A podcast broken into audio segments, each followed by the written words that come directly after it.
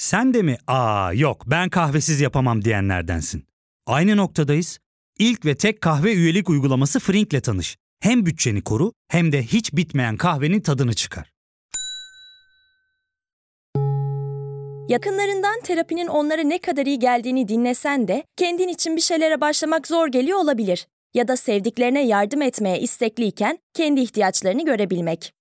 Hayvel, uzman psikologlarıyla kendi ihtiyaçlarını bulmanda sana destek olacak. Terapi yolculuğuna başlamak için detaylı bilgi bölümün açıklamalarında. Herkese yeniden merhaba. Türkiye İşçi Partisi Genel Başkanı Erkan Baş'la söyleşimizin ikinci bölümünü dinliyorsunuz. İlk bölümde tipin sol siyasetteki konumu ve işlevini, tipe yönelik eleştirilere ne cevaplar verdiklerini ve Barış Ataylı Babala TV yayınını konuşmuştuk. İkinci bölümde ise başlıklarımızın daha heyecan uyandırıcı olabileceğini düşünüyorum. Her şeyden evvel tip sosyalist bir parti. Kendisini böyle tanımlıyor. Örneğin partinin internet sitesindeki sorularla tip başlığı altında bulunan tip nasıl bir partidir, neyi hedefler sorusunun cevabı tip kapitalist düzene son verip sosyalizmi kurmayı hedefler şeklinde. İkinci bölümdeki sorularımız da bu konuya ilişkin olacak. Tip için sosyalist devrim ne demek diye soracağız. Nasıl bir devrim ve dönüşüm süreci hayal ediyorlar? Ekonomi yönetimine dair nasıl bir geçiş hayal ediyorlar? Tipin iktidar olduğu bir ülke Kore gibi, Küba gibi dışarıya kapalı bir ekonomiye mi sahip olacak mesela? Ya da tarikatlar ve cemaatler meselesi. Tip bu konuda mecliste en sert söylemlere sahip partilerden. Tarikatların kökünü kazıyacağız cümlesiyle neyi kastediyorlar? Bu bölümde hepsini ve daha fazlasını masaya yatırıyoruz. Daha fazla bekletmeyeyim, söyleşiye geçelim. Ben Ozan Gündoğdu, hazırsanız başlayalım.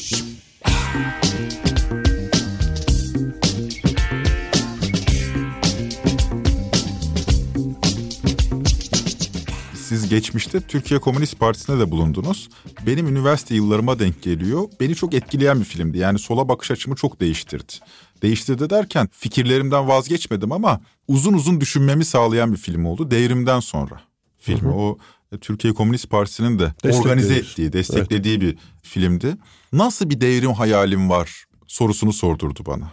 Böyle mi olacak? Yani bir gün olacak, o bir gün o bir günden sonra her şeyin çok sert şekilde değiştiği aslında biraz da 20. yüzyıl stili. Hı hı. 1917'de gördüğümüze benzer, Çin'de gördüğümüze benzer, Küba'da gördüğümüze benzer. Bir anda çok sert ve derin bir değişim. Ülkenin sermayedarları ülkeyi terk etmeye başlıyorlar. Türk Silahlı Kuvvetleri'nde bildiriler okunuyor, NATO'dan çıkılıyor o gün falan.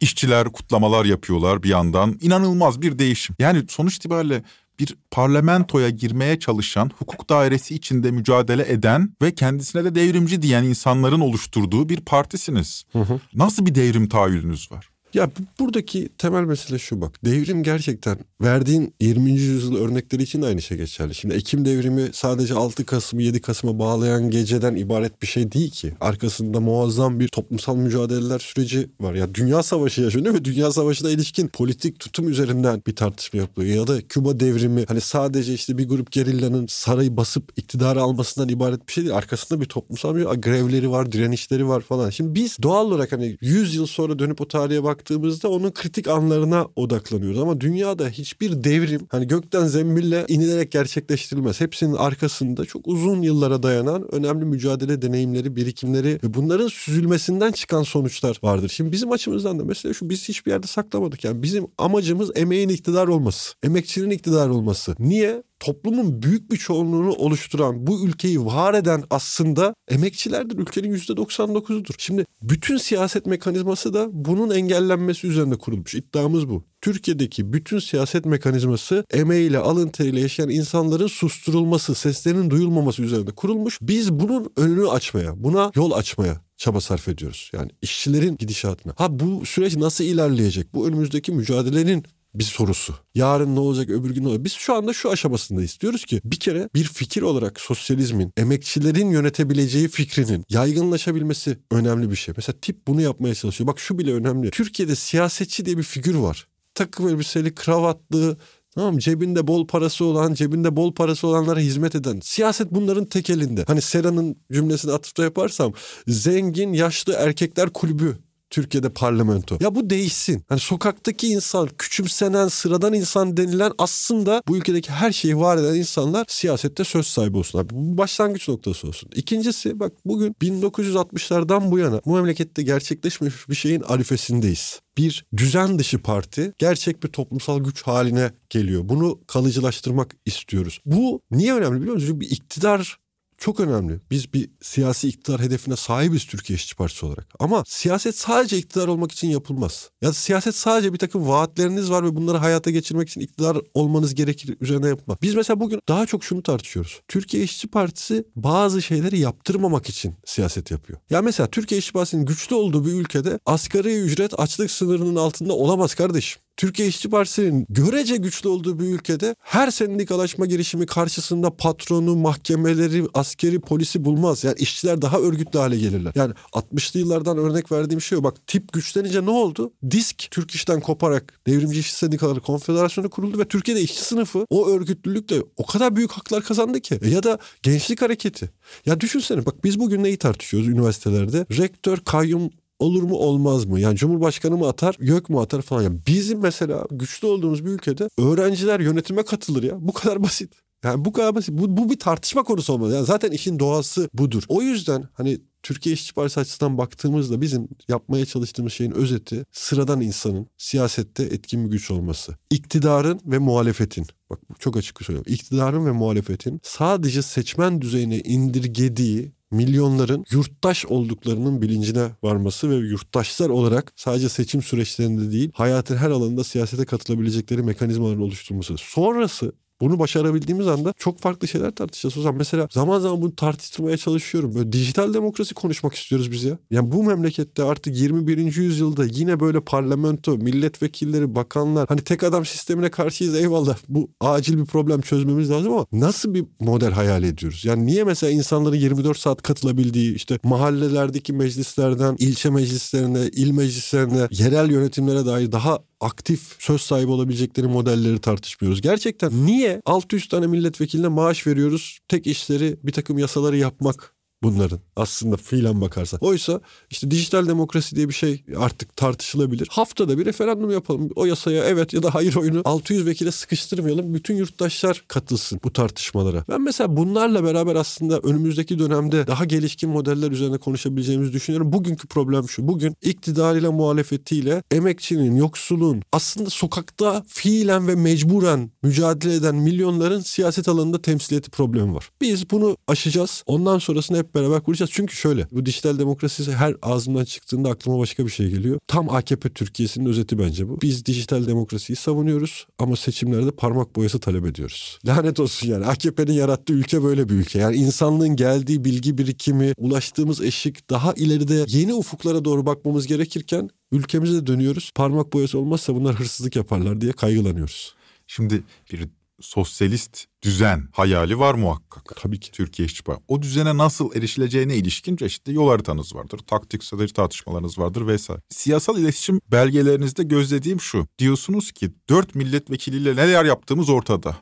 Düşünün daha fazla milletvekiliyle neler yapabiliriz? Bunu derken de aynı zamanda şunu söylüyorsunuz. Erdoğan gittikten sonra kurulacak düzenin ana muhalefet partisi olmaya adayız. Henüz ortada biz bir iktidar ortağı olmak istiyoruz şeyi yok. Bu, bu anlamda bence gerçekçi de bulunuyor ve sempati kazanıyor. İlginç bir soru. Mesela Meral Akşener başbakan olmak istiyorum diyor. Şöyle bir tabloyla karşı karşıyayım.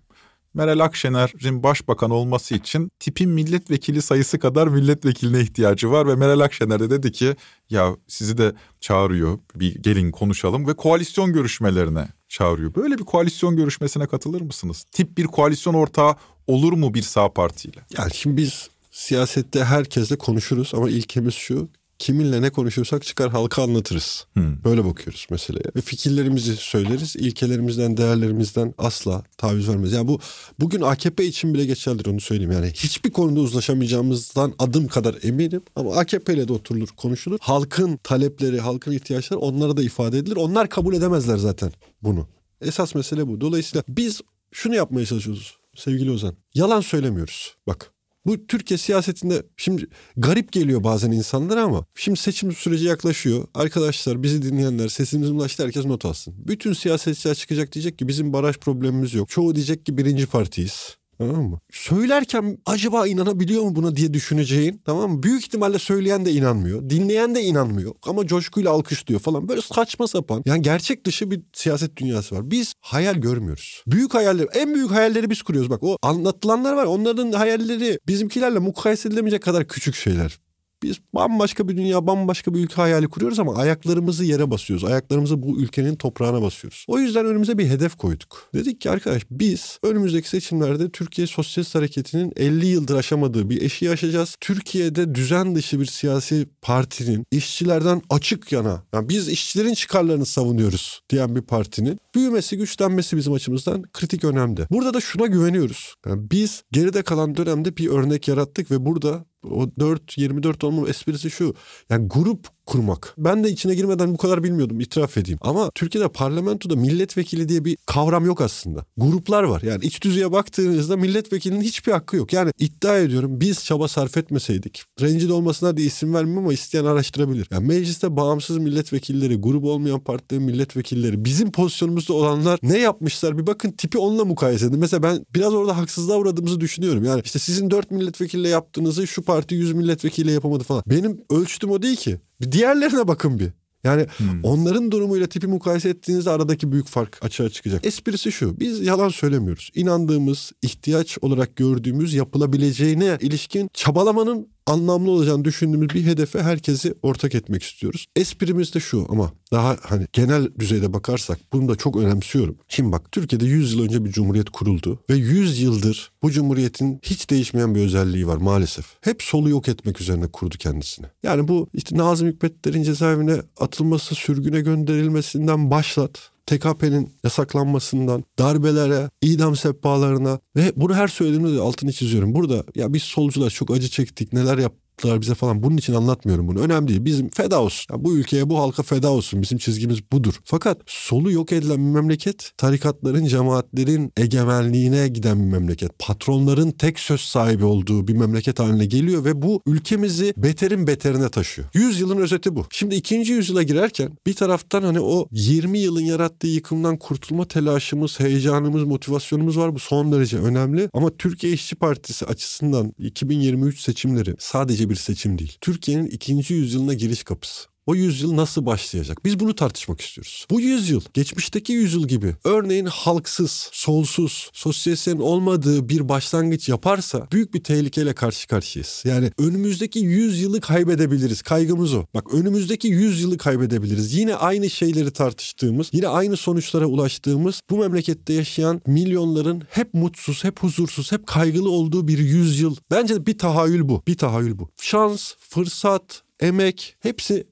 harmanlanabilir. Türkiye'nin ikinci yüzyıla sosyalistler olmadan girmesinin imkanını yakaladık. Hep beraber bunu yapmaya çağırıyorum insanları. Ya gelin Türkiye'nin ikinci yüzyılında solcuların, sosyalistlerin ve doğal olarak hani bir solcular, sosyalistler kimi temsil ediyor? Emeğiyle yaşayanları temsil ediyor. Asla ötekileştirilen, yok sayılan, yani varlığıyla yokluğu iktidarlar tarafından önemsenmeyen milyonları temsil etmek istiyoruz ve ikinci yüzyıl ancak böyle kurulursa sağlıklı olur. Aslında tarihi bir çağrı. Ben o yüzden bak bazen böyle aşırı heyecanlı gözüküyoruz falan ya. Nasıl heyecanlanmayalım? Ya ülkemizin önündeki 100 yılı şekilleniyor. Biz 100 yıl önce istediklerimizi yaptırmadılar bize. Şimdi ikinci yüzyıla girerken bir yüzyıl daha kaybetme riski var. Bak uyarıyorum. Samimiyetle, dostça bir yurttaş olarak uyarıyorum. Diyorum ki arkadaşlar eğer önümüzdeki dönem Tayyip Erdoğan'dan kurtulduk. Hani ben buna inanıyorum bu olacak. Ama Tayyip Erdoğan'dan kurtulduktan sonraki süreçte solu güçlü olmazsa bu ülkenin ne olur biliyor musunuz? Yine aynı pazarlıklar, yine aynı tarikatların, cemaatlerin dayatmaları, yine aynı patron grubu, yine yeni yandaş sermaye grupları, yine uluslararası güçlerin yönlendirmeleriyle korkum şu 3 yıl sonra 5 yıl sonra 10 yıl sonra AKP'nin yerine BKP gelir ve mahvoluruz ya. Ben mesela kendi ömrüm yetmez artık. Çocuğum açısından hep aynı şeyi söylüyorum. Bunlar iktidara geldiğinde ben üniversite öğrencisiydim. Şimdi iki tane çocuğum var. Ya çocuğumun aynı şeyleri yaşamamasının telaşındayım. Torunlarım aynı şeyleri yaşamasın bunun telaşındayım. Bütün yurttaşları da bu yüzden bu heyecana ortak olmaya çağırıyorum. Yani biz önümüzdeki 100 yılı halksız Yine elitlerin yönettiği bir ülke halinde mi yaşayacağız? Yoksa sosyalistlerin güçlü olduğu, işçilerin sözünün kıymetinin olduğu, kadınların etkin olduğu, gençlerin geleceklerine ilişkin değil bugünlerine ilişkin tartışmalarda taraf oldu. Mesela genç arkadaşlar en çok size gençler geleceğimizdir falan diyen siyasetçiler elinizin tersiyle itin ya. Bir genç 40 yaşında nasıl yaşayacağını dert etmesin. Bugün nasıl mutlu yaşayacağını tartışalım. Ya bu gençler gelecektir lafı kadar beni irite eden bir laf yok ya. 40 yaşında nasıl yaşayacağım? Bana ne ben 20 yaşındayken sinemaya gitmek istiyorum, tiyatroya gitmek istiyorum, dünyayı gezmek istiyorum, mutlu olmak istiyorum. Bunu sağlamamız gerekiyor. Bu konuda gözlediğim bir endişe var. Kapalı bir ekonomi, Kuzey Kore gibi bir sosyalist model, ithalata, ihracata mümkün olduğunca kapalı, sermaye hareketlerin tümüyle kısıtlandığı, kambiyo denetiminin olduğu merkezi planlamacı bir sosyalizm hafızalarda. Böyle bir şey mi hayal ediyoruz? Ya şöyle bir şey olabilir mi? Yani bunlar sonuçta bak reel sosyalizm diye adlandırılıyor. Yani 20. yüzyılda olabilecek sosyalizm deneyimleri. Şimdi mesela kapalı bir toplum. Abi interneti nasıl kapatacaksın? Ben mesela AKP deniyor aslında kapalı bir toplum yaratmayı değil mi? Oluyor mu yani? Şimdi aptal mıyız biz yani? Mesela yurt dışına çıkışları yasaklayacak mısınız? Bana en çok sorulan sorulardan evet. bir tanesi o. Ya arkadaş niye yasaklayayım? Tersine ama şunu sağlamamız lazım. Bizim ülkemiz öyle bir ülke olsun ki herkes bizim ülkemize gelmek istesin. Yani insanlar sadece gezmek için yurt dışına gitmek istesinler. Ya artık dünyanın geldiği yer itibariyle baktığımızda öyle kapalı toplumlar falan mümkün değil. Bak çok açık söyleyeyim. Eşitlik ve özgürlük diye bir paradigma var. Yani insanlık tarihi boyunca. Ve zaman zaman biz eşitlik için özgürlükten, özgürlük için eşitlikten vazgeçme örneklerini yaşadık. Anlatabiliyor muyum? Yani bence mesela 20. yüzyıl tırnak içinde kullanıyorum. Ben o kavramları pek sevmiyorum ama anlaşılsın diye. 20. yüzyıl sosyalizmi dediğimiz şey belirli bir eşitlikçilik için özgürlüklerden taviz verilebilir örneklerini yaşattı bize. Ben de artık eşitlik ve özgürlük tek kelime olsun. Ya bunları böyle araya tire falan ben yazılarımda da öyle yazmaya çalışıyorum. Yani eşitlik ayrı, özgürlük ayrı değil. Eşitlik, özgürlük. Bunları birlikte sağlayacak bir sosyalizme ihtiyacımız var. Ben geldiğimiz nokta şimdi mesela merkezi planlama bundan 100 yıl öncekiyle bugünkü aynı düzeyde tartışılabilir mi ya? Kağıtla kalemle hesapların yapıldığı bir çağdan bugün hani bana mesela e-devlet diye bir şey var ya otur hani 4 yıl sonra kaç öğretmene ihtiyacımız olduğunu 15 dakikada hesaplayabileceğimiz sistemler var artık. Yani bu olanaklardan sosyalistlerin faydalanmayacağını düşünmek gerçekten ya çok kötü niyetli bir bakış ya da sosyalistleri hiç tanımamakla ilgili bir bakış. Yani tam tersine biz insanlığın geldiği bilgi, birikim düzeyinin aslında kapitalistler tarafından sınırlandırmış haliyle bile çok gelişkin olduğunu ve bunlardan faydalanarak çok daha ileriye taşınabileceğini düşünüyoruz. Ama hani hiç mi engelleyici bir şeyiniz olmayacak? Açık söylüyoruz ya şimdi devletin bütün olanaklarının tarikatlara, cemaatlere verilmeyeceğini söylüyoruz biz şimdi. Kimse kusura bakmasın. Ya da ne bileyim işte beşli çete deniyor ama o beşten ibaret değil aslında biraz genişletelim onu. Yani sermaye çevrelerinin hani Türkiye'deki üretilen bütün değerlerin önemli bir bölümünü bir avuç insana aktaran bu düzenin değiştirilmesi gerekiyor. Yani bunları söylemekten çekinmekle bak gerçekten geçen gün açıklanan rapor inanılmaz bir şeydi ya. 13 kişinin serveti 44 Korkunç. milyon insana eşit. Ya böyle bir eşitsizlik varken hala hangi özgürlükten bahsediyor? Ben o 44 milyon kişinin özgürlüklerini savunuyorum. O 44 milyon kişinin yapabileceklerinin hayalini kuruyorum. Çok enteresan bir soru geldi. Ben işte şimdi bildiğim trend topik dinleyicilerinden var mı Erkan Başkan'a sorunuz deyince bir bankacı arkadaş dedi ki Starbucks'ı kapatacak mı? Ya, ya niye bizim hep bir şeyleri kapatacağımızı düşünüyor? Şimdi Genelde ya, böyle hayır şimdi bak burada şey şu, burada şu yapılabilir bence.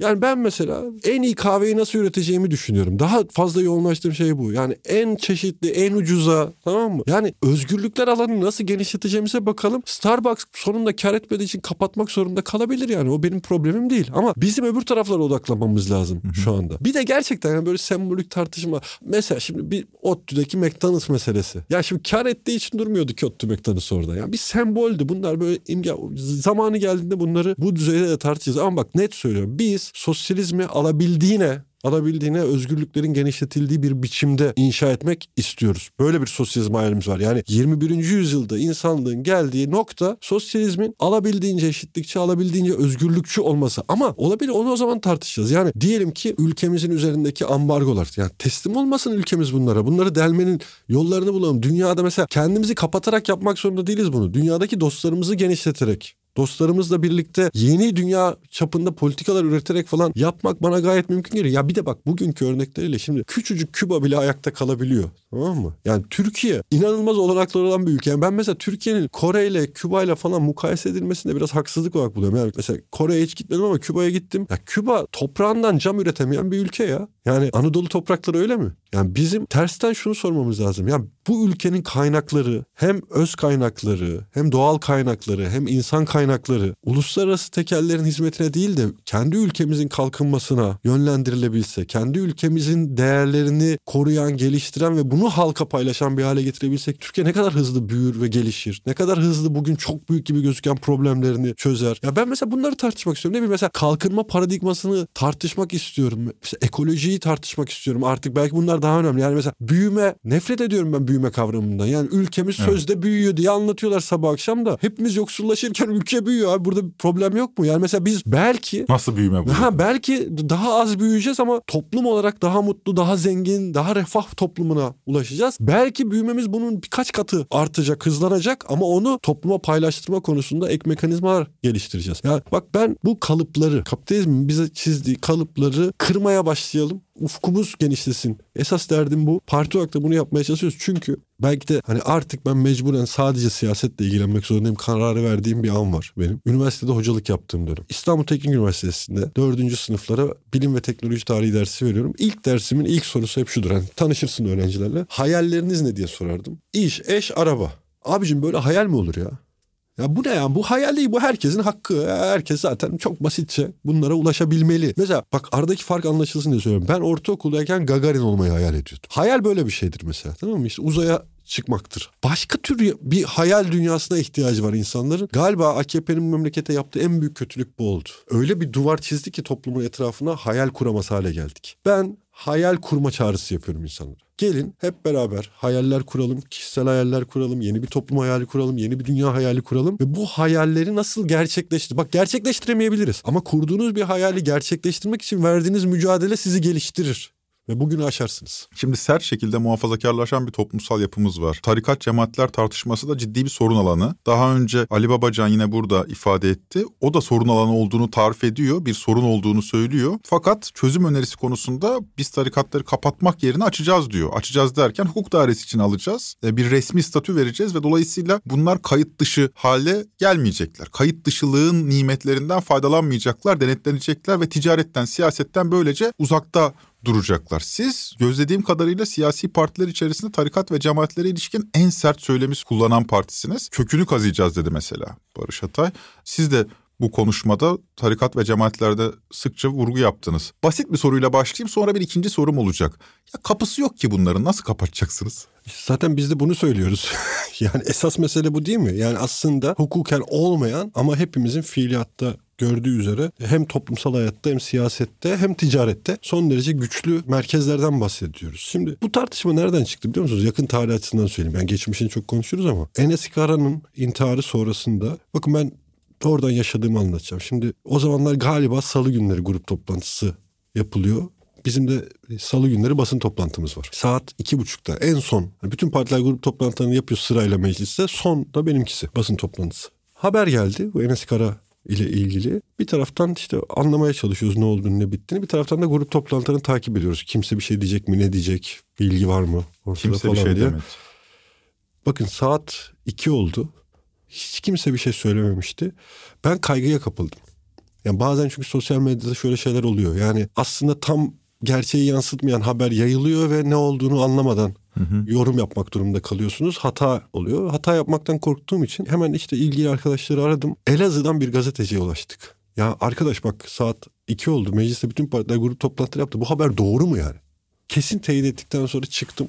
E şaşırdınız ilk, herhalde kimsenin Şimdi ilk defa galiba orada söyledim. Yani bu tarikatların ve cemaatlerin kapatılması gerekir fikrini. Hatta şöyle anladım ki ya herkesin sadece iktidarın değil herkesin bu tarikatlardan ve cemaatlerden bir beklentisi var. Yani eğer biz bunlarla ilişkiyi doğru düzgün tutarsak kendileri açısından bunlar bize oy verirler ve bunlar bize oy verdiklerinde de biz bu seçimi kazanırız. Ama bunun karşılığında bir toplumun geleceğini kaybediyoruz. O yüzden esas tepkimiz aslında biraz buna. Yani Türkiye'de ya şunu söylemekte ne sakınca var ya? Bak bir daha tekrar ediyorum burada. Diyorum ki biz Türkiye İşçi Partisi olarak özgür yurttaşlarımızın oyuna talibiz. Tüm yurttaşlarımızın oyuna talibiz ama özgür yurttaşlarımızın yani kendi aklıyla düşünebilen, kendi karar verebilen yurttaşın oyudur kıymetli olan. Yoksa işte bir tarikat liderinin, bir cemaat şefinin işte ne bileyim aklınıza ne geliyorsa ağanın, paşanın, beyin, patronun Anlatabiliyor muyum?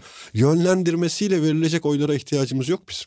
Ve bütün siyasi partiler bu tutumu alsalar yani deseler ki arkadaş biz hiçbir tarikatın, hiçbir cemaatin bize oy vermesini istemiyoruz. Türkiye'de siyaset başka türlü gelişmez mi? Ama işte böyle oluyor. Tarikatlar, cemaatler de buradan bir güç devşiriyorlar. Bir pazarlık gücü yaratıyorlar. Oturuyorlar bütün siyasi partilerle. Hatta aynı tarikatın diyelim ki bir ildeki kolu başka bir siyasi partiye, başka bir ildeki kolu başka bir siyasi partiye oy veriyor. Ve bunun karşılığında da bir şey alıyor. Aslında tarikatlar bu açıdan siyaseti de ticarete dökmüş durumdalar. Yani kimden ne alacaklarsa ona göre oy veriyorlar. Ve biz buna karşı net bir tutum almanın Türkiye'nin geleceği açısından çok önemli olduğunu düşünüyoruz. Devam edeyim. Bakın Türkiye'de siyasette dini ve parayı bir baskı aracı olmaktan çıkarttığımız anda Türkiye'de siyaset bambaşka bir şekilde yeniden kurulabilir. Ve bizim ihtiyaç duyduğumuz zemin böyle bir zemin. Biz bunu tartıştırmak istiyoruz. Üçüncüsü kardeşim yani devletin kamu kaynaklarını bir grup tarikata ve cemaate aktarması suç ya.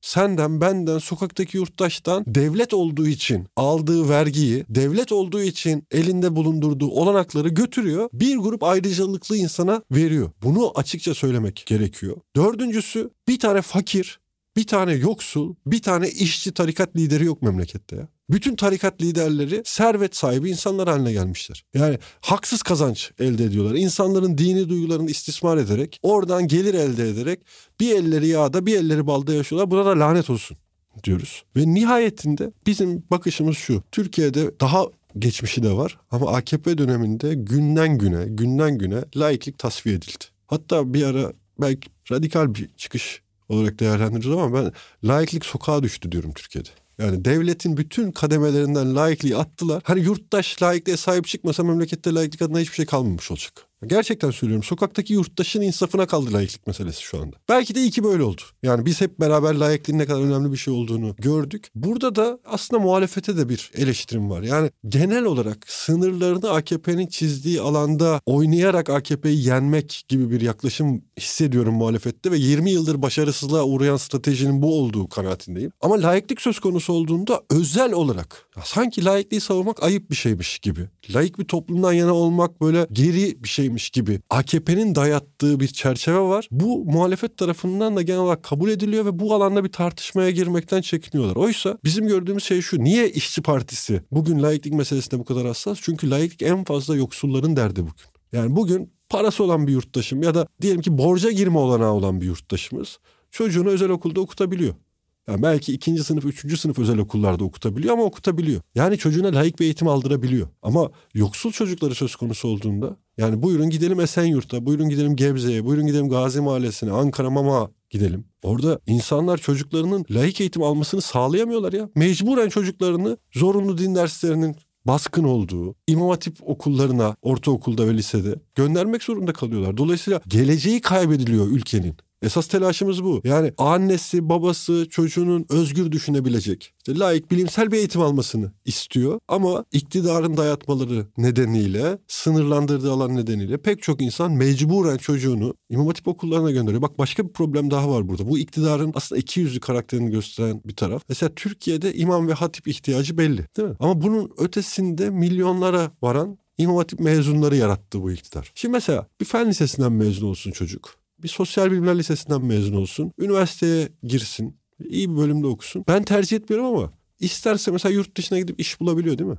Çünkü niye? Matematik altyapısı var, fen altyapısı var, sosyal bilimler altyapısı var, edebiyat altyapısı var. Güçlü bunlar. Ve üniversiteye girmesi de daha kolay. Bir meslek sahibi olması da daha kolay. Ve isterse gidip yurt dışına bile yaşayabiliyor. Dediğim gibi desteklediğim için söylemiyorum. Kötü ama böyle bir hakkı var en azından. Peki İmam Hatip mezunları ne yapacak? İktidara muhtaç. Yani doğru düzgün bir eğitim almamış, doğru düzgün bir bilgisi, birikimi, mesleği oluşmamış. İktidar sadece hani arka bahçesi olarak gördüğü için bu alanları oralarda bizim elimizin altında dursunlar. Biz olmadığımızda yaşayamayacak halde olsunlar. Dolayısıyla bize mahkum olsunlar algısıyla ya yüz binlerce gencin hayatını mahvetti. Ben mesela İmam Hatip'te okuyan kardeşlerime sesleniyorum. Ya. Gerçekten bak İmam Hatip'te okuyan kardeşlerim eğer sesim ulaşıyorsa onlara ya bu iktidar sizi kendisine mahkum eden bir iktidar ya. Bak şunu yaşadım biliyor musun? Maltepe'de bir okul 15 Temmuz'dan sonra özel okullara el konuldu ya. Bir kere %99'unu İmam Hatip okuluna çevirmişler. Özel okul olarak yapılmış. işte cemaatin Fethullah Gülen yapılanmasının okulu. Şimdi İmam Hatip olmuş. Mahalleden İmam Hatip okuluna gelen yok. Yani okulun diyelim ki bin kapasitesi var. Bin öğrenci alabilecek okul. 400-500'ü bile bulmamış. Mahalleli oğlunu kızını oraya göndermek istemiyor. Okuldaki müdür müdür yardımcısı uğraşıyor. Başka mahallelerden çocuklar topluyorlar. Bak çok çarpıcı bir şey bence bu. Veli geliyor kaydını yaptırıyor. İstanbul Büyükşehir Belediyesi seçimlerini kaybettikten sonra geliyor çocuğunun kaydını geri alıyor. AKP. Ben mesela çok etkilendim bundan. Ya yazık ya. Bak şöyle kaygı belki de tersten bir kaygı duyuyor. Diyor ki ha, bunlar iktidardan giderse çocuğumuzun geleceği mahvolur. Hak mıdır ya bu? İnsanlar çocuklarının geleceklerini böyle mi planlamalılar? İnanılmaz bir stres. Yani çocuğun yeteneği nedir, birikimi ne olmalıdır, işte hangi alanlarda yetiştirmelidir falan bunları düşünsün veliler. Ama ya iktidar öyle olursa böyle olur, böyle olursa çocuğun hayatı şu olur falan bunları tartışmak zorunda kalıyor. O yüzden söylüyorum bakın bu laiklik meselesi son derece kritik ve galiba hani bugün parlamentoda siyaset yapan partiler açısından söyleyeyim Türkiye İşçi Partisi bunu en ileriden savunan bir pozisyon almak zorunda. Ayrıca ben hani layık olmayan bir toplumun özgürlük tartışması yapabileceğine inanmıyorum. Bak şimdi anayasa değişikliği teklifi var. Biz neredeyse ilk günden bu yana bu teklifi tartışmasız reddetmek gerekir diye bir tutum aldık. Çok basit ya. Her şeyi bir kenara bırakıyorum. Bak saatlerce konuşabiliriz ayrıntılarına. %83 erkeklerden oluşan bir meclis kadınların nasıl giyineceğine karar vermek istiyor. Bu kadar aptalca bir şey olabilir mi?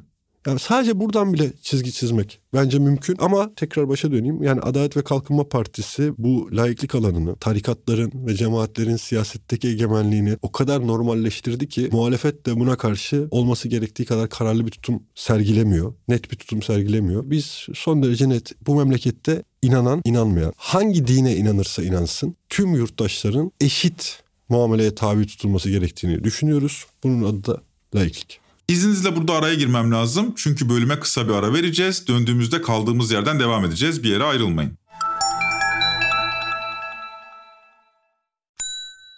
Ya fark ettin mi? Biz en çok kahveye para harcıyoruz. Yok abi, bundan sonra günde bir. Aa, sen Frink kullanmıyor musun? Nasıl yani? Yani kahvenden kısmına gerek yok. Frink'e üye olursan aylık sadece 1200 TL'ye istediğin çeşit kahveyi istediğin kadar içebilirsin. Günlük 40 TL'ye sınırsız kahve mi yani? Çok iyiymiş. Aynen. Hatta şu anda 200 TL'lik bir indirim kodu da var. E hadi hemen indirip üye ol da bu fırsatı kaçırma. Terapiye başlamak, içinden çıkamadığın döngüleri kırmak, bazı yanlış bulduğun kararlarını değiştirmek ve kendinle beraber daha huzurlu bir yaşam inşa etmek için atabileceğin en değerli adımlardan biri. Hayvel ile yoğun yaşam tempona uyum sağlayarak online terapi seanslarını takvimine göre ayarlayabilirsin. Bini aşkın uzmandan sana en uygun terapisti seçebilir, PodB10 koduyla indirimden yararlanabilirsin. Detaylı bilgi açıklamalardaki bağlantıda. Şöyle ben Müslüman bir vatandaşım, çalışan ücretli bir kişiyim. Türkiye İşçi Partisi'ne de sempati besliyorum. Öte yandan bizim mahallede böyle dini bilgisine çok güvendiğimde bir kişi var. Bu kişinin de din yorumuna katılıyorum ve bu kişinin dini sohbetlerine iştirak ediyorum. Biz kendimize cemaat de diyoruz aynı zamanda. Biz böyle sohbet edip dağılıyoruz. Bazen zikir törenleri yapıyoruz. Biz bir cemaatiz yani bir yandan da. Ne yapacağız? Ya şimdi... bir de böyle bir durum var. Şimdi böyle bir örnekle karşılaşmadım ama şöyle bir örnekle karşılaştım onu anlatayım. Bir sendikacı dostumuz telefon etti bir gün. Başkan dedi sana ulaşmak isteyen bir imam var. Dedim tabii verin telefonumu arasın hemen. İlini ilçesini söylemiyorum ama bir imam arkadaş aradı. Promosyon anlaşması yapmışlar bulundukları ilçedeki imamlar bankayla. Sonra Diyanet İşleri Başkanlığı'ndan müdahale etmişler. O Katılım bankayla değil, o bankayla değil bu bankayla yapacaksınız diye. Vallahi dedi, bunu kimse dile getirmez. Bir tek siz dile getirirsiniz size söylemek istedim.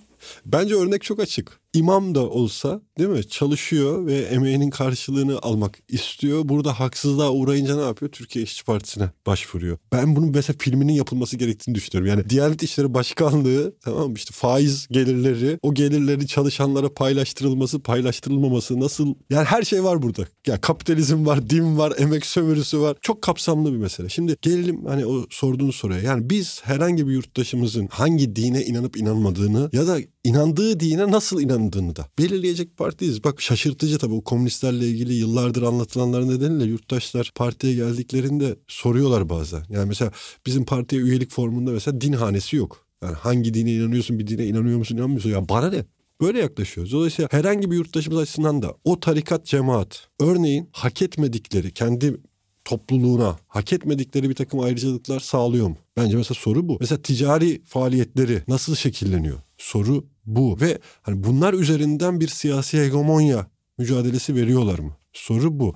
Ama benim bile bildiğim hani Türkiye'deki bütün tarikatlar ve cemaatler aslında az ya da çok bu doğrultuda bir faaliyet içerisindeler. Ya bir de hani geldiğimiz noktada şu çok üzüyor da beni ya. Çok açık söyleyeceğim. Yani bundan 25 yıl önce 30 yıl önce bu Fethullah Gülen'le ilgili sosyalistlerin söylediklerine bak. Yazdıklarına, çizdiklerine. O zaman yediğimiz küfürleri, hakaretleri, bununla ilgili hakkımıza açılan davaları, sürdürülen soruşturmaları, verdiğimiz ifadeleri falan düşünüyorum. Yani biz aslında 15 Temmuz'da Türkiye'nin yüzleştiği, iktidarın işte 17-25 Aralık'ta fark ettik dediği şeyi 30 yıldır anlatıyoruz. 30 yıldır bu zihniyetin Türkiye'ye nasıl bir felaketle sürükleyebileceğini söylüyoruz. Şimdi o cemaat kötüydü ama bu cemaat iyi diye bir takım yeni tasnifler geliştirmeye çalışıyorlar. Bu doğru değil. Bakın eğer siyasete müdahale ediyorsa, toplumsal hayatı belirlemeye çalışıyorsa, buradan kişisel olarak rant elde ediyorlarsa, buradan etraflarını şekillendirmeye dönük bir çaba içerisindelerse bunun sınırlandırılması kaçınılmaz bir şey. Yani yoksa bu işte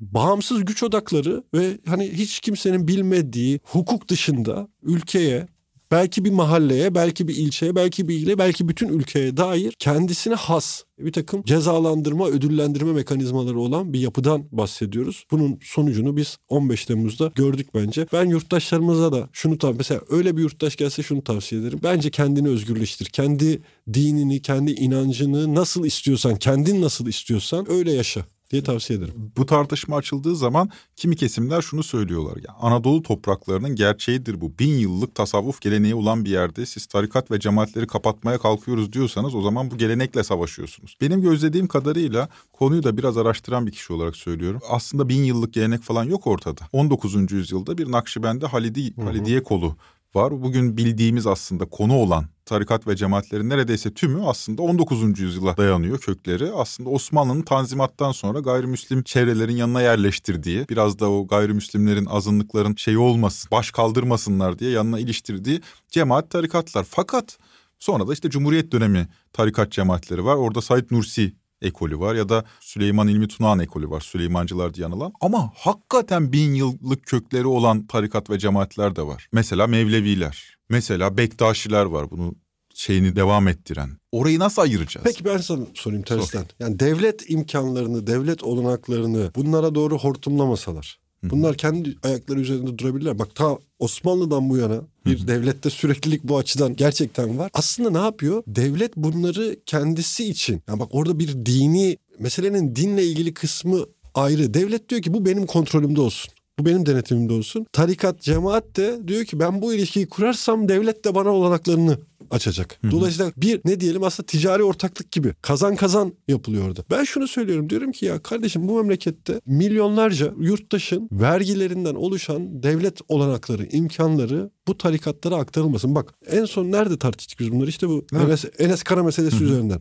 Ya devlet yurt yapmıyor. Bu yurt işlerini tarikatlara, cemaatlere havale ediyor. Böylece hem tarikatların, cemaatlerin kadro kaynağı haline geliyor bu insanlar. Hem yoksul çocukları çaresizlikten bunların eline düşüyor. Hem orada işte kendi bildikleri, yorumladıkları tarzda bir dini propaganda faaliyeti yürütüyorlar. Hem de bu çocuklar okullarını bitirdiklerinde diyelim ki devlet içerisinde bir takım yerlere yerleştiriliyor ve sonra o tarikata, cemaate hizmet etmesi bekleniyor. Yani burada bir mekanizma var. Ben bu mekanizmanın dağıtılması gerektiğini düşünüyorum. Esas tartışmamız gereken şey bu. Devlet olanaklarını bir takım tarikatlara, cemaatlere aktarmak yerine kamu çıkarı gözeterek yurttaşlarına aktardığında iddia ediyorum bunların zaten ayakta kalma şansı yok. Bak para Burada ta hani bizim çocukluğumuzdan şeydir. Yani ticaret, siyaset, tarikat ilişkileri. O bütünlüğü dağıtmamız lazım. Yani burada dar anlamıyla insanların dini inancına ilişkin bir tartışma yürütmüyoruz. O dini kendince yorumlayıp o yorum doğrultusunda toplumda egemenlik kurmaya çalışan ve devletin olanaklarını seferber ettiği bir takım yapılanmalar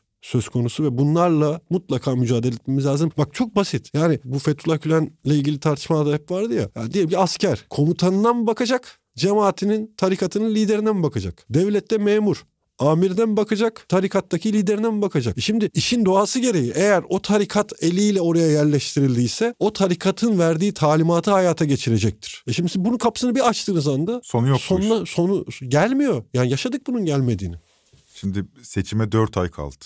Daha az. Daha az kaldı değil mi ya? Evet. Mayıs 14 olduğunu varsayarak söylüyorum artık yani onu anladığım O- o- o da kadarıyla. tartışmalı bir konu ama neyse oraya da Tip girmiyorum. dışında herkes yedi sanırım bu durumu. Mayıslar bizimdir. Modunda. Oysa Mayıslar gerçekte bizimdir. Öyle değil mi? Çok endişeli muhalif kesimler. Endişeli olmakta da haksız değiller. Görüntü an itibariyle başa baş görünüyor. Her ne kadar ümit var bir tablo da olsa da 20 yılın en ümitli seçimi de olsa muhalifler açısından bir toparlanamama hali var. Ya en basitinden seçime 4 ay var fakat henüz Erdoğan'ın karşısındaki Cumhurbaşkanı adayını bilmiyoruz. Siz ilkesel olarak altılı masayı eleştirmiyorsunuz ama bu seçimlerde nasıl bir yol izlenmeli? Nasıl değerlendiriyorsunuz bu tabloyu? Çünkü çok tarihsel bir süreçten geçiyoruz. 20 yıldır aynı iktidar var ve bu iktidar değişmek üzere neredeyse fakat hiç böyle bir değişim rüzgarı falan da esmiyor yani ortada. Ya bir kere hala aynı görüşteyim. Muhalefet hata yapmazsa, büyük hatalar yapmazsa Tayyip Erdoğan dönemini kapatacağız hep birlikte. Yani bu konudaki inancım çok net. Toplumdaki heyecanı görüyorum. Yani belki o tedirginliğin de bir nedeni bu. Yani kazanacağımıza ilişkin inanç, umut o kadar arttı ki hani ya bir hata yapmasak kaygısı var. Ama bak bence çok çıplak bir örnekle karşı karşıyayız. Şimdi oradan başlayalım. Mesela 14 Mayıs tarihi söylendi. Ya şöyle bir senaryo geliştiriliyor şu anda iktidar tarafından. Seçim benim istediğim tarihte yapılacak. İktidar diyor. Seçim Erdoğan'ın istediği kanunlarla yapılacak. Erdoğan'ın istediği kişiler aday olabilecek, istemedikleri olamayacak. Ekrem İmamoğlu. İstediği partiler girecek, istemedikleri girmeyecek. HDP üzerindeki kapatma davası. Hatta oradaki siyasi yasaklarla beraber istedikleri milletvekili adayı olabilecek, istedikleri olamayacak. Sonra demokratik bir seçim yapılacak ve biz kazanacağız. Bir de Erdoğan'ın aday olup olamaması da ayrı bir tartışma. Burada muhalefetin baştan bu AKP'nin belirlediği zemini bir en azından sallaması lazım. Yani ben bunu görüyorum ve buna karşı bir kararlılığı temsil ediyorum. Görüntüsü vermesi lazım. Bence orada yanlış bir eğilim gelişmeye başladı. Yani bu ne yapsak iktidar mağdur olacak. Ya siyasal İslamcılar zaten hep mağdur olurlar yani. Bizim onun için bir şey yapmamıza gerek yok. Onlar bir mağduriyet hikayesi üretirler. Bizim şunu yapmamız lazım. Kardeşim bu memlekette anayasa var. Bu memlekette yasalar var. Evet an itibariyle siz devletin mekanizmaları içerisinde yarattığınız kadrolaşma nedeniyle anayasaya ve yasalara aykırı hareketler yapıyorsunuz ama biz bunları görüyoruz ve kayıt altına alıyoruz. En geri noktamızın bu olması lazım. Yani elimizden geliyorsa yaptırmamamız gerekir ama yapmayı engelleyemiyorsak bile kayıt altına almak gerekir. Dolayısıyla burada bir muhalefetin topluma umut, heyecan, kararlılık kazandırma sorumluluğu var bence. Biraz sanıyorum bu altılı masanın iç dengelerinin oturması için karşılıklı itiş kakışlar. Hani siyasetin doğasında vardır bu. Hani hiç olmasın diyemem ama geldiğimiz aşama itibariyle bir kere herkesin sorumlu davranması gerekiyor. Ben sanıyorum bundan üç buçuk yıl falan önceydi yani. Hemen 2018 seçimlerinden kısa bir süre sonra bu ilk halk toplantılarımızın sonuçlarından birisi olarak şunu kamuoyuyla paylaşmıştım. Ya arkadaş içinden geçtiğimiz süreç artık şunu gösteriyor. Hiçbirimizin kendisini, grubunu, partisini hatta kendi ittifakını falan düşüneceği bir zamanda değiliz. Hep beraber memleketin geleceğine ilişkin sorumlu gerekiyorsa fedakarlık gerektiren yaklaşımlar içerisine girmeliyiz. Merak etmeyin. Eğer biz bunu başarırsak toplum buradaki her tür sorumluluğu ve sorumsuzluğu, her tür fedakarlığı ve bencilliği mutlaka kayıt altına alacaktır ve dar siyasi emelleriniz açısından bile gelecek kaygınız varsa toplumun sizden bu beklentisine yanıt vermeniz gerekir. Şimdi biraz zaman daralınca bu konuda yeterince e, sorumlu ve yeterince fedakarlık gerektiren adımların atılmadığı hissi muhalefetin gözünün içine bakan diyeceğim. Yurttaşlarımız tarafından da hissediliyor ama çok hızlı biçimde bunu aşmak gerekiyor. Çok hızlı biçimde buradan çıkmak lazım. Çünkü gerçekten bakın bunu böyle dar anlamıyla bir popülizm için falan söylemiyorum. Dünyada çeşitli otoriter iktidarları, faşist iktidarları, nasıl iktidara geldiklerini, nasıl iktidarda kaldıklarını, nasıl yenildiklerini falan öz olarak incelemiş bir arkadaşınız olarak söyleyeyim. Türkiye'de şu 20 yıldır bu ülke halklarının, bu ülkedeki yoksulların, bizlerin yaptığının dünyada eşi benzeri yok. Bak iddia ediyorum yok. Yani mukayese etmek için Hitler Almanya'sına bakın. İşte İtalya'ya bakın faşizm dönemine, İspanya'ya bakın. Aslında iktidara gelen bu otoriter faşist güçler toplumun büyük bir çoğunluğunu teslim alırlar. Herkes susar. Hatta ben mesela şey söyleyeyim. Mesela 10 yıl önce, 15 yıl önce falan komünist hareketin dünyadaki tarihini anlatırken şununla övünürdüm. Herkes teslim olur bir tek devrimciler teslim olmaz. Hani bu bizim için bir övünç vesilesiydi ve ondan sonra tarih tersine dönmeye başlar diye anlatırdık. Türkiye'de durum böyle değil.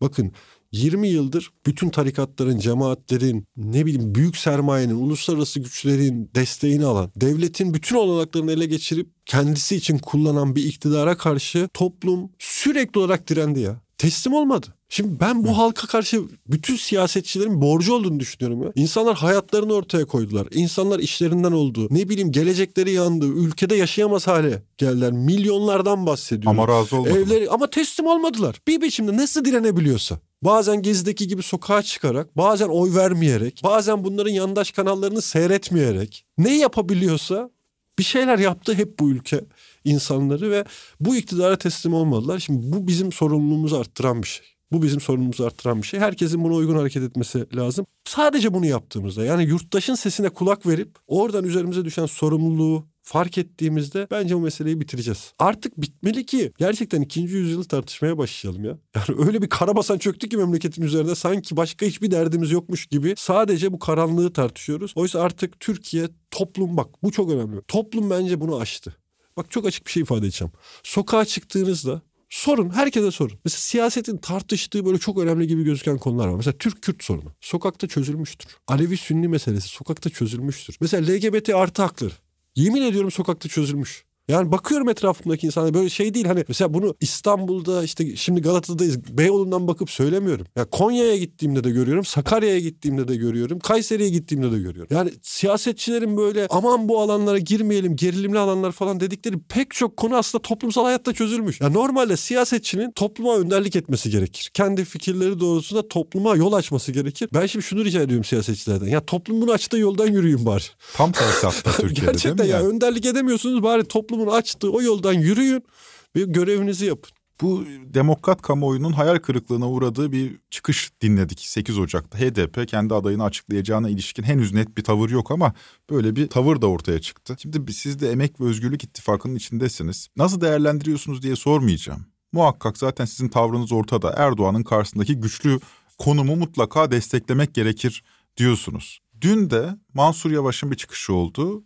Anlaşılan o ki Mansur Yavaş önemli Cumhurbaşkanı adaylarından birisi olarak Kılıçdaroğlu'na bir destek açıklaması yaptı. Cevaplamayabilirsiniz çünkü varsayım üzerinden soruyorum. Kılıçdaroğlu'nun adaylığı biraz netleşiyor gibi. Bu tablo karşısında sizce Kılıçdaroğlu'ndan başka bir aday çıkarmak doğru mu?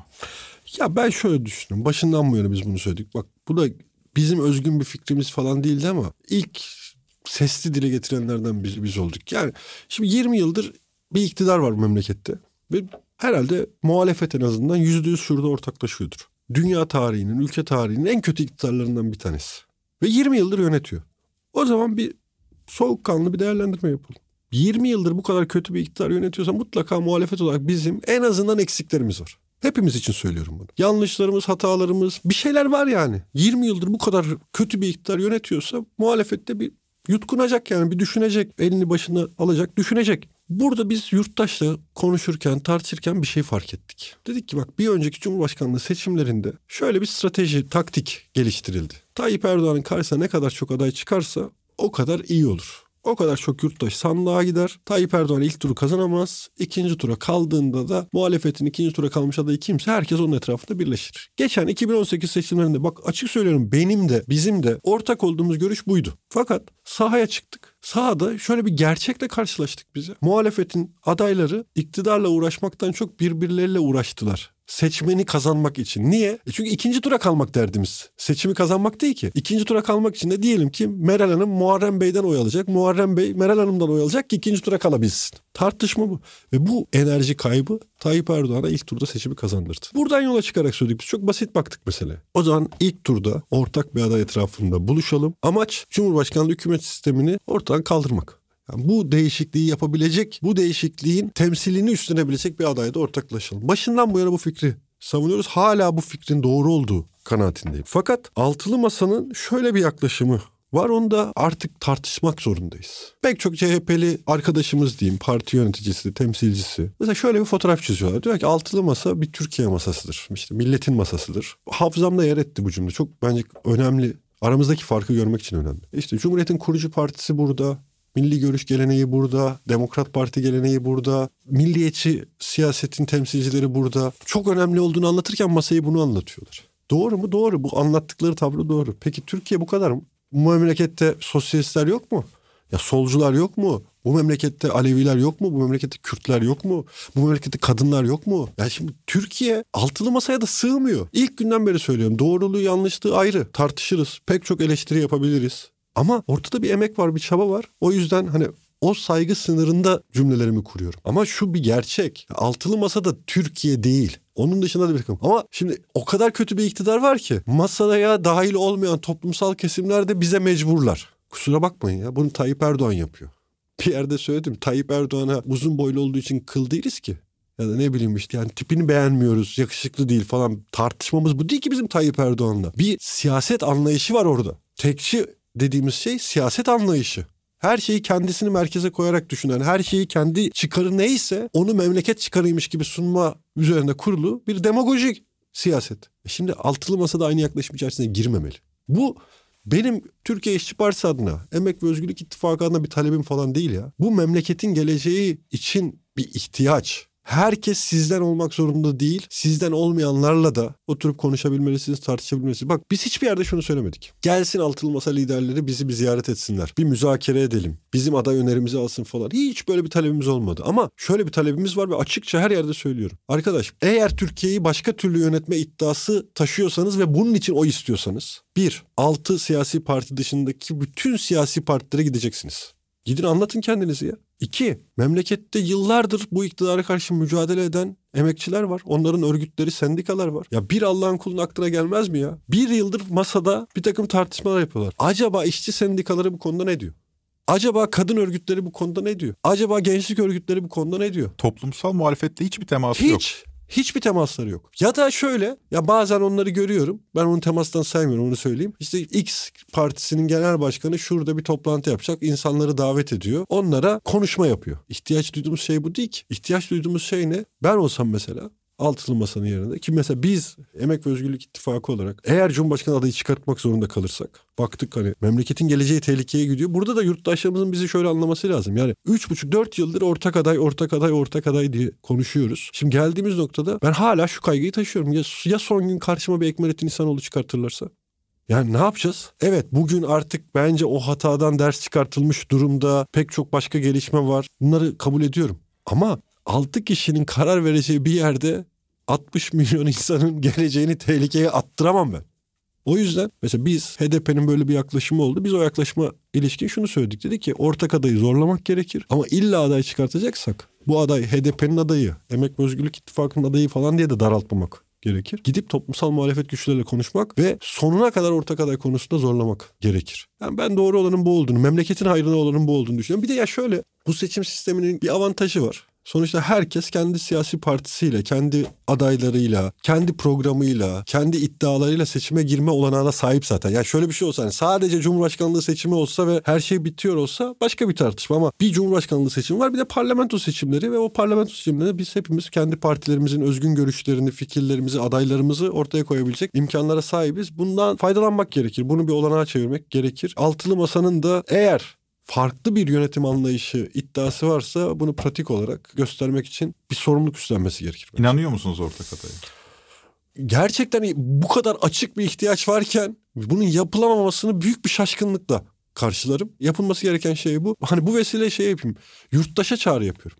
Tüm yurttaşlar hangi partiye inanıyorlarsa, güveniyorlarsa, oy verdilerse hani bir laf vardı ya kime hakkınız geçtiyse gidin yakasına yapışın ya. Yani herkes memleketi düşünecek arkadaş. Kimsenin kendisini, partisini falan düşünme zamanı değil. Hepimiz memleket yani artık görev yurttaşta herhalde anladığım kadarıyla. Yani kimse o masa başında bak Emek ve Özgürlük İttifakı için de söylüyorum. Türkiye İşçi Partisi için de söylüyorum. Yani yurttaş siyasete etkin biçimde müdahale etmeli bu önümüzdeki kritik bir aylık süreçte. Zaten ondan sonra adaylıklar belirlenmiş olacak ve belki de geri dönülmez bir yola doğru gideceğiz. Hani köprüden önce son çıkış denir ya. Yurttaşın siyasete müdahalesi için sadece kendisine seçilenler arasında tercihe mahkum olmaması için köprüden önce son çıkıştayız. Erkan Bey'le konuşurken zamanın nasıl aktığını fark edemedik. Bu yüzden bitirirken size de vaktinizi ve dikkatinizi ayırıp dinlediğiniz için teşekkür ederim. Seçime adım adım yaklaşırken bir siyasi partinin genel başkanıyla yaptığımız bir söyleşinin daha sonuna geldik. Bir sonraki bölümde söyleşiden de hareketle Türkiye solunu konuşacağız. Böylelikle hem fraksiyon fraksiyon ayrılmış solu bir türlü anlayamıyorum diyenlerin derdine derman olmaya çalışacağım hem de Türkiye İşçi Partisi'nin bu gelenek içerisindeki konumunu değerlendireceğiz.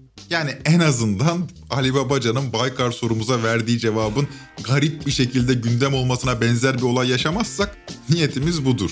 Trend Topi'yi Podbi Medya ile beraber hazırlıyoruz. Bir sonraki bölüme kadar köprüden önceki son çıkışları kaçırmamanızı dilerim. Hoşçakalın. İlk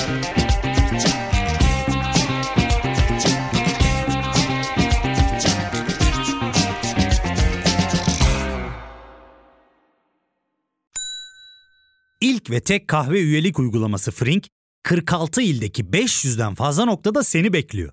Açıklamadaki kodu girerek sana özel 200 TL'lik indirimden faydalanmayı unutma. Hadi sen de Frink üyeliğini başlat, kahven hiç bitmesin. Hem bugününe hem yarınına katacaklarıyla terapi yolculuğuna ve daha iyi hissetmeye bugün Hayvel ile başla. Açıklamadaki linkten Hayvel'i indir, ücretsiz tanışma görüşmelerinin ardından bütçene uygun seans paketini seç ve terapi yolculuğuna başla.